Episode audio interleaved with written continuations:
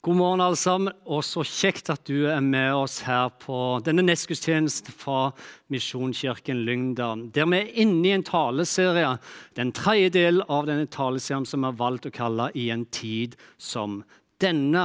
Og I dag så skal vi inn i første kongebok i Bibelen, og vi skal inn i en sterk historie om en gudsmann som viser oss at til og med sånne gudsmenn som han, som er kjent for den profeten han var, til og med slike gudsmenn må gå gjennom veldig vanskelige ting, utfordringer i livet, mørke som de ikke klarer å forklare hvorfor skjer som det skjer.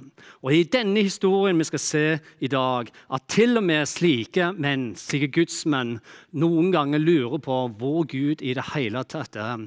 Hvorfor det skjer med dem, og hvorfor de havner der det er. Og Det er også derfor vi stiller oss spørsmålet i denne taleserien her i dag.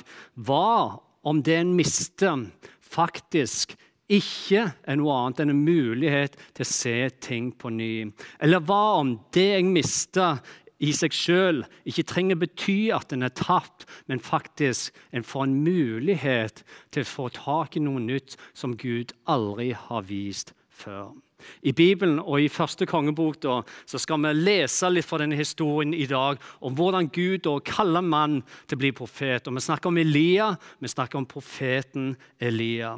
Og Om det er tre ting jeg skulle trekke ut fra den historien vi skal inn i i dag, eller tre hendelser, så vil jeg si at disse tre hendelsene de er veldig viktige for å få med oss. Litt fordi Guds tanke med vårt liv kan av og til være annerledes enn hvordan en tenker sjøl. Og det jeg tenker er at disse tre hendelsene i sammen viser oss nettopp at Gud han aldri lar oss være alene, men han går gjennom oss i mørke daler som vel som på toppene. Og det er det vi skal se på i dag. Og Den første hendelsen vi skal inn i dag, det skjer på Karmelfjellet, der Guds kraft bare kommer fra himmelen. Det står at himmelen åpner seg, og det kommer ei ildsøyle ned som fortærer offer og steiner og alt som er der. Og Gud han viser på en mektig måte, og som er brak og torden og jordskjelv. Den andre hendelsen vi skal se på fra Elias sitt liv er kalt i ørkenen. Og Grunnen til vi kaller den for det, er for at noen dager etter det store underet så flykter Elia ut i ørkenen og legger seg under en jubelbusk for å dø. Det er også noe der vi skal se på, men det tredje vi skal se på, og kanskje det viktigste av alt i dag, er at Gud kommer til Elia i stillheten. Etter alt han har vært igjennom, så kommer Gud på en ny måte. Der Elia opplevde at han hadde tapt alt, nederlaget var et faktum, så viser Gud seg på en helt ny måte for Elia. Og I korte trekk så kan vi si at historien er sånn som dette.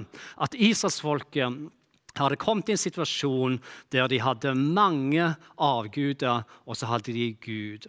De switcha litt fram og tilbake mellom Gud og avgudene, noe som gjorde at Gud sa at nå får det være nok.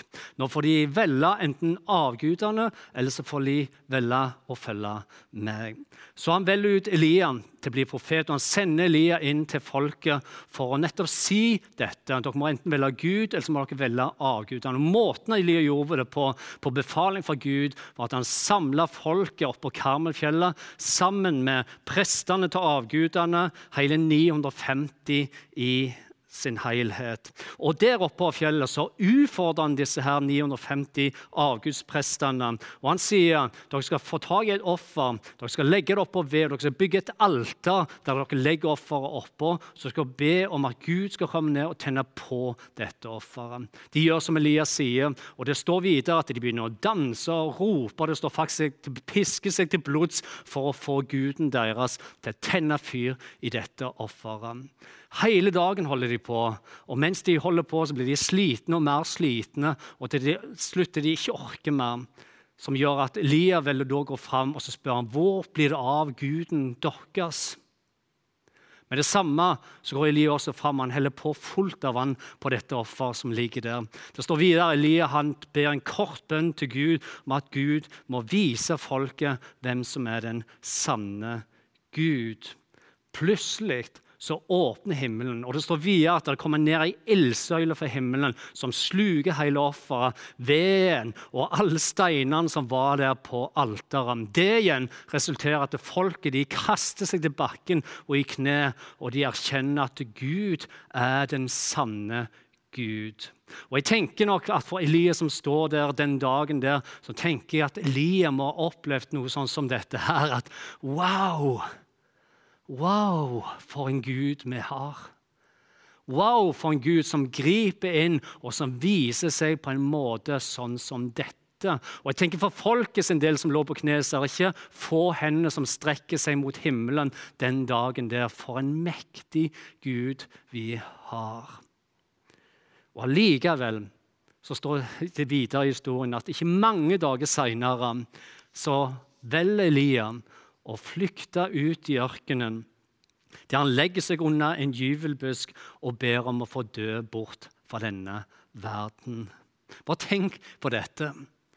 Den ene dagen på Karmøyfjellet, noen få dager etter, så ligger han under gyvebusken, og han ber Gud om å dø. Og Grunnen til Lia går fra stor jubel for 'wow, Gud' og havne her under gyvelbusken til å ligge her og ønske å dø, er fordi i landet da så var det ei dronning som het Jesabel. Så når hun hørte hva som hadde skjedd på Karmelfjellet, så sendte hun ut en ordre og en befaling om at Lia skulle dø. Og den eh, trusselen den er reell nok. For Jesabel var kjent for å ta livet av profetene. Så når Elia hører dette, så vil han flykte for å redde livet sitt. Det står dette her i 1. kongebok 19, at da ble Elias redd. Han gjorde seg i stand, og han drog av sted.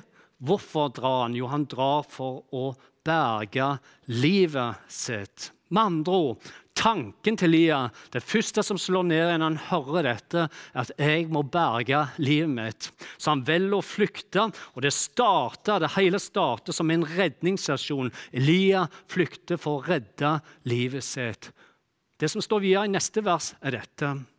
Men etter en dagsreise, altså etter en dag på reise ut i ørkenen, kom han til en gyvelbusk. Han satte seg under den, og han ba om å få dø. Og Elias sier, 'Nå er det nok, Herre. Ta mitt liv.' Nå er det nok. Og Det en blir vitne til på en dagsreise på en og samme dag så endrer hele situasjonen til Elias seg for å gå fra å være en redningsaksjon, for å flykte for å redde livet sitt, til å havne på et sted jeg orker ikke mer. Nå er det nok. Herre, ta mitt liv. Men hva er det i grunnen som gjør at Elia bare i løpet av få dager og i løpet av én dag på vei ut i ørkenen går fra Karmelmodus, wow, Gud, til en stor og mektig Gud som er nær, og der han går til å oppleve at Gud, nå er alt håp ute. Nå er det nok. Hva er det som gjør dette? Jakob, eh, som er bror til Jesus, han skriver i Jakobs brev dette. La dere ikke føre vill, mine kjære søsken.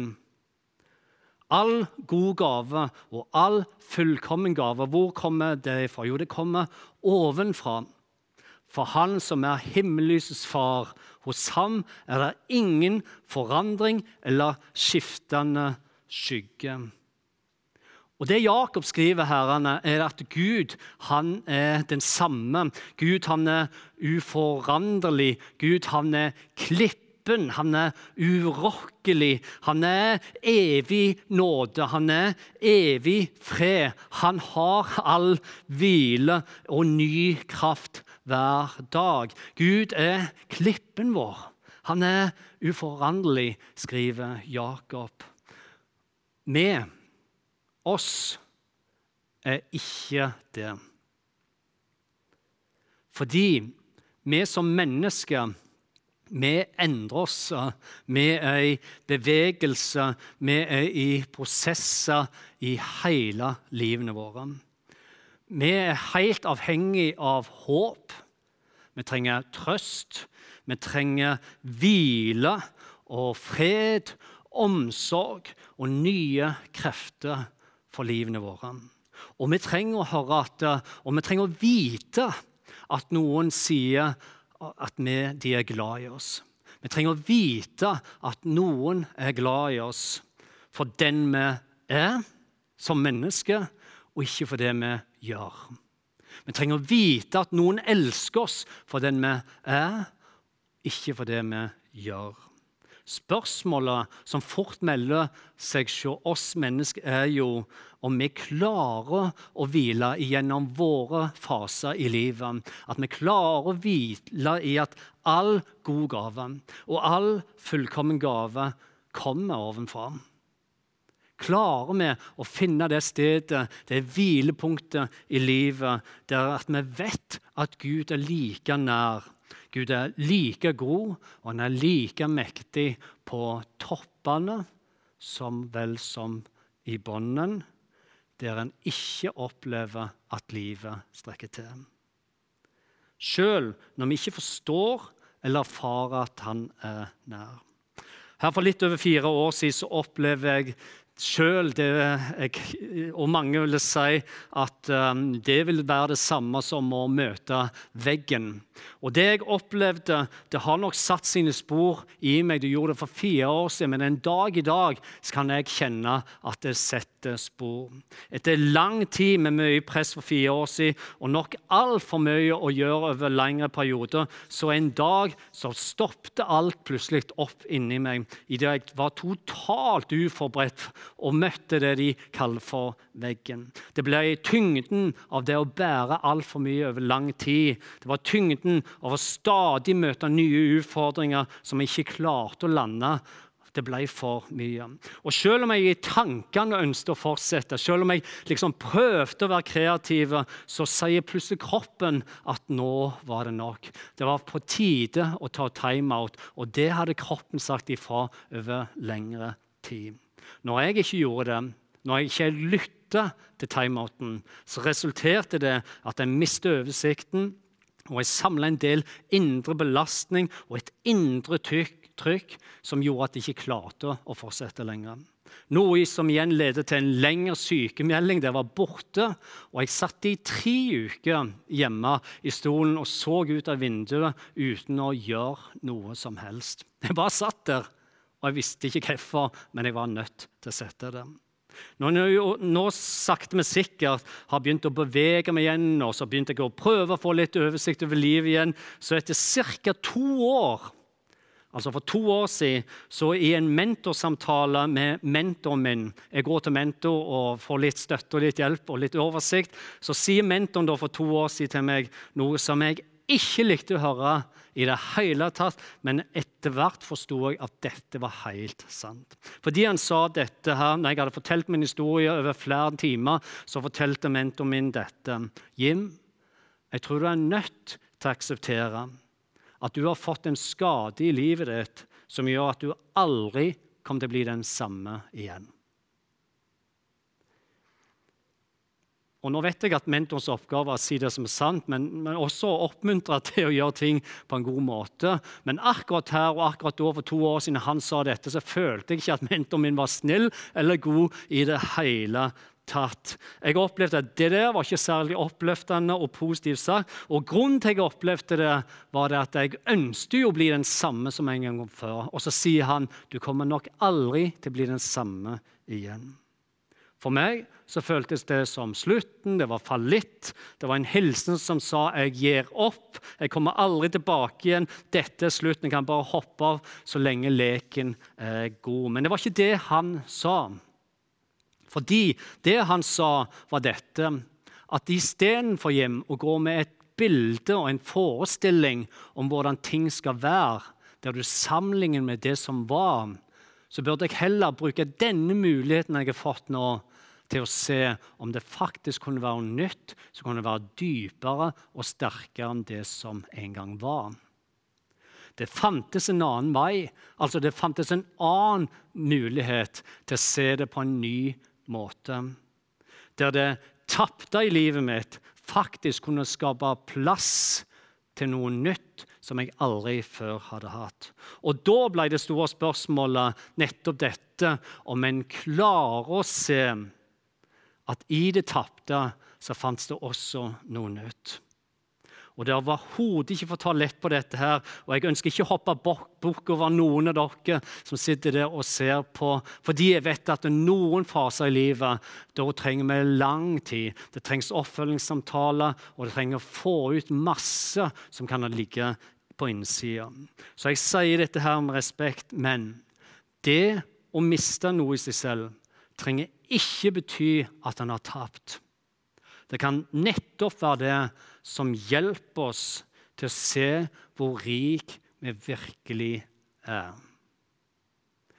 Det å miste noe i seg selv trenger ikke bety at en er tapt. Det kan være nettopp det som hjelper oss til å se hvor rik en virkelig er. Thomas Judin, som er pastor og forfatter og har skrevet mange gode bøker, han skriver i en av sine bøker dette at det åndelige livet begynner i det vi legger livet sitt som et lite frø i Guds store åker. Og det fortsetter å vokse mens vi blir liggende der. Og Kanskje er det i de mørkeste periodene i livet vårt etter merkbare tap, etter nederlag eller nytteløs skrubling, at det åndelige livet virkelig blir dypere.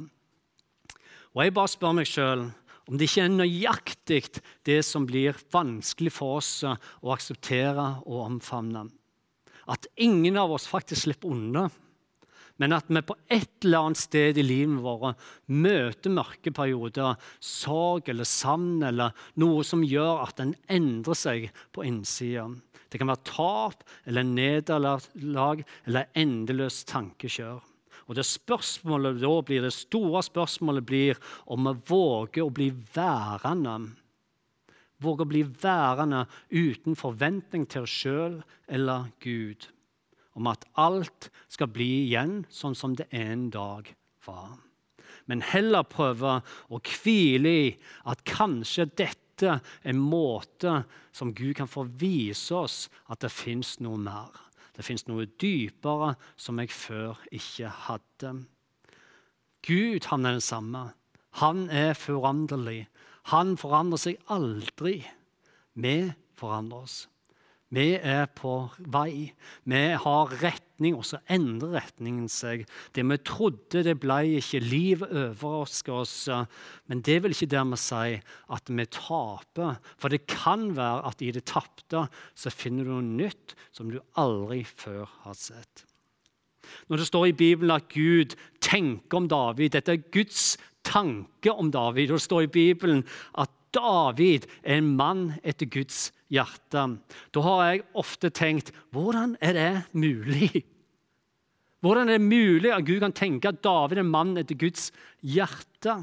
Fordi Når en leser historien om David i Bibelen, så er den superærlig. Den bretter liksom fram mye godt, og så er det mye vondt òg. Og Det er i Davids liv, og det er i barna sine liv, og det er i familieliv. Det er mye vondt og mye dårlige avgjørelser. Og I mine øyne så ble det sagt at David han har såpass mange vonde ting med seg, dårlige avgjørelser, dårlige valg, som gjør at han er jo totalt avhengig av Guds nåde. Og kanskje er det nettopp det. Kanskje er det akkurat det som er sentrum, og som gjør at Gud velger å si at David, du er en mann etter mitt hjerte. Nettopp fordi David forsto at han var helt avhengig av Guds nåde. For i seg sjøl var det så mye tap. I seg sjøl var det så mange nederlag. Grenseløse grublinger, nettet med, nettet med uten søvn. Hos David var det mye liv og mye overraskende i livet. Og nettopp derfor fordi han så altfor godt visste at han trengte Guds nåde hver eneste dag. Guds trofast hver eneste dag. Nettopp fordi han ikke gjemte seg bort, men kom til Gud med hele livet sitt. Det gode og det vonde. Så var David en mann etter Guds hjerte. Ikke pga. sine prestasjoner, i det hele tatt, men fordi han trengte Gud. Han visste at Gud var der, og han visste at Gud var en god far. I Bibelen 1. Peters brev 5,7 står dette.: Kast all deres bekymring på ham, for han har omsorg for dere. Jesus han fortsetter det videre, og sier han, Kom til meg, sier Jesus, alle dere som strever og bærer på tunge byrder. Og hvem skal gi dere hvile? Jo, jeg vil gi dere hvile. Og Så fortsetter så sier han dette her. Fred etterlater jeg dere. Hvilken fred? Ja, Guddommelig fred. Min fred gir jeg dere. Og så sier han videre, ikke den fred som verden gir. La ikke hjertet bli grepet av angst og motløshet. Og om en da skulle lete etter et sentrum i alle disse versene og mange andre vers, lignende disse. Hvis det skulle være et sentrum i alle disse versene her, så er det viktige og sentrum at Gud sjøl sier til deg og sier til meg at han er der. Jeg har ikke gått bort, jeg har ikke forsvunnet. Jeg tilhører ikke bare en viss kategori på en viss plass. Jeg er like nær nå som noen gang. Du er ikke alene, sier han. Du er aldri alene, for jeg er der. Thomas Jedina skriver videre dette her, at du trenger ikke å strekke til. Det holder at du er til. Alt utover det er bonus. Og det er nøyaktig det jeg tror profeten Elia erfarte under jubelbisken når han snur ryggen til Gud, når han tenker at 'nå er det nok'. Her er jeg helt alene. Men han var ikke alene. Og Gud han var ikke bare på Karmøyfjellet med dunder og brak og jordskjelv og ilden. Nei, Gud var like nær her som oppå Karmøyfjellet i trengselen og de smertefulle tapene, i tankekjør, i depresjonen som han opplever Elia, så oppdager han etter hvert at i det jeg taper, i det tapte, så kommer Gud på en ny måte som aldri før. Og Det står videre at Gud han trøster han, han styrker han, og han elsker han for den han er, og ikke for det han gjør, Elia. Det er nesten som Gud sier til oss alle. Hør, du trenger ikke å strekke til. Det holder at du er til. Alt utover dette første vi har sammen, er bare bonus. Ordet, selve ordet 'retreat' betyr å trekke seg tilbake. Retreat betyr å trekke seg tilbake fra der en har vært. Og I noen livsfaser eller i noen stormer i livene våre så kan det være helt nødvendig å trekke seg tilbake. Men samtidig så vil jeg også si dette, fordi meg sjøl inkludert med den hendelsen jeg refererte til tidligere, så er det mange mennesker mange, som sier sjøl når en gjør en tilbaketrekning, tar en retreat Selv om en går tilbake litt, så er det det samme som at en faktisk går framover. Selv om vel en tilbaketrekning, så er det ofte det som gjør at en kommer seg framover igjen. I dag har jeg lyst til å si til deg som har tatt en retreat, eller kanskje er på en tilbaketrekning, eller faktisk har valgt å trekke deg tilbake av en eller annen grunn. Bli ikke overraska om Gud også der ønsker å vise deg noe nytt med han.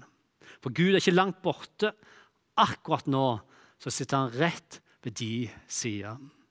Og Det er også den oppdagelsen Elia gjør når han har valgt å trekke seg bort. Og Det står videre om at Elia han går opp i ei håle, og han trekker seg inn i håla i fjellet. Og han blir værende inni håla alene.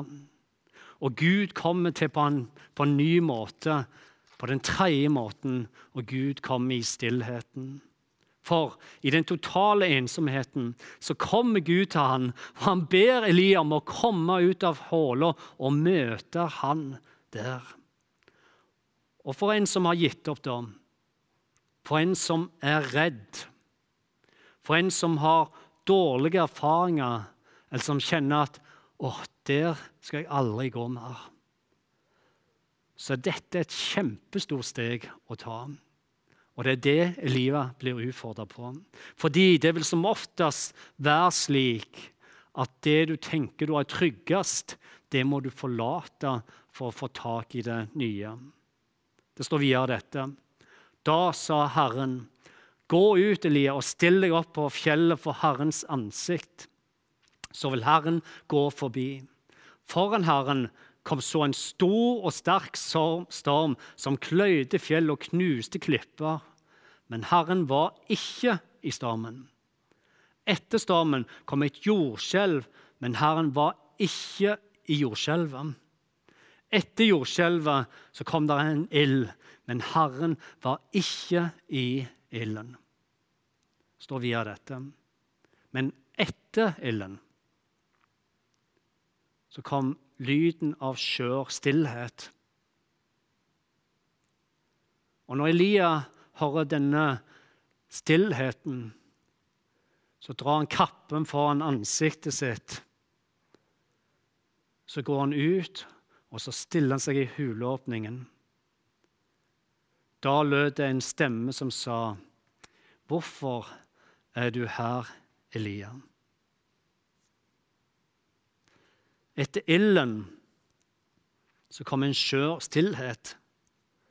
Og det En ser her at det er først når Elia velger å forlate hula, når han velger å komme ut og stille seg i åpningen, at stillheten gir han mot til ikke å gjemme seg mer, men å stå i det åpne og i dyp visshet om at han ikke er alene, aldri alene, men at Gud er rett ved hans side. Og Grunnen til Herren ikke kom som han gjorde på Karmefjellet, som en ildsøyle, som en storm, som et jordskjelv, men nå kom i fullstendig stillhet, er jo fordi vår relasjon til Han aldri var meint å gå på autopilot. Det vil si at Gud han kom ikke i bestemte former. Han kom ikke kanskje sånn som han gjorde før. Det er nærmest som vi har lett for å plassere Gud i en boks og si at sånn som du gjorde det, sånn må du gjøre det igjen. Det er sånn Gud er. Men det er ikke sånn Gud er. Det er ikke sånn Gud handler, og ikke minst, det er ikke sånn Gud ønsker at vi skal tenke at han handler. Da tror jeg at vi bare har sett et lite bilde av hvem Gud virkelig er. Hvis vi tenker sånn og setter Gud i bokser sånn, da tror jeg vi går glipp av hvem Gud virkelig er. Da tror jeg at vi har skapt et gudsbilde som er altfor lite. Et gudsbilde som blir igjen på fjellet, der de store tingene, og så sitter vi og ber om en Gud som skal være sånn. Men sannheten er jo at Gud han er mye mer enn det. Det er et gudsbilde som ikke tåler våre nederlag. Det er et gudsbilde som ikke rommer våre tap og det vi tapte. Det vi kan lære av historien om Elia til slutt, er dette. At det å miste noe i seg sjøl trenger ikke bety at du har tapt. Det kan nettopp være det du mister, som hjelper oss til å se at det virkelig, virkelig er noe nytt på gang. For Gud han er mye mer interessert i hvem du er, enn hva du gjør. Og På samme måte så burde det være slik med våre liv også. At vi burde være mye mer interessert i hvem Gud er, enn hva han kan gjøre. Det var dette Elia fikk erfare. Det var dette Elia fikk lære.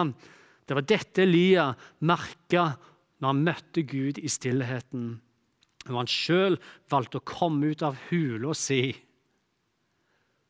og møte Gud. Du er ikke alene. Ja, du erfarer ting i livet ditt. Kanskje oppleves det som tap. Men så vil Gud alltid ønske at også midt i tapet, midt i det du opplever som et nederlag, så vil Gud vite at Først, du er mye viktigere for den du er, enn det du noen har gjort. Og det andre, han ønsker at du skal lære han å kjenne fram hvem han er, og ikke bare det han gjør. Skal vi be sammen helt til slutt? Takk, kjære gode Gud, for at du elsker oss for den vi er. Takk for at når du ser på oss, så ser du noe av deg sjøl i oss. Takk for at du hver eneste dag med vår side. Takk for at du er hos den av oss nå som sliter og som bærer på tunge byrder. Takk for at du er hos den av oss som har trukket seg tilbake, og som kjenner at det er vanskelig å finne mot igjen. Og takk for at du hører alle våre sukk. Du lar aldri noen av oss gå alene. I dag så ønsker vi å be spesielt for tida mi inni Herre. Må du hjelpe oss slik at vi må strekke oss langt til å vise omsorg og være raus med vår neste kjærlighet. Hjelp oss slik at vi ikke skaper skille og avstand, men at vi møter andre mennesker og andre meninger i ydmykhet. Takk for din tålmodighet med oss. Må du hjelpe oss å være tålmodig med andre. Takk, Jesus, for vi går aldri alene. Du er med oss hver eneste dag. I Jesu navn vi ber. Amen.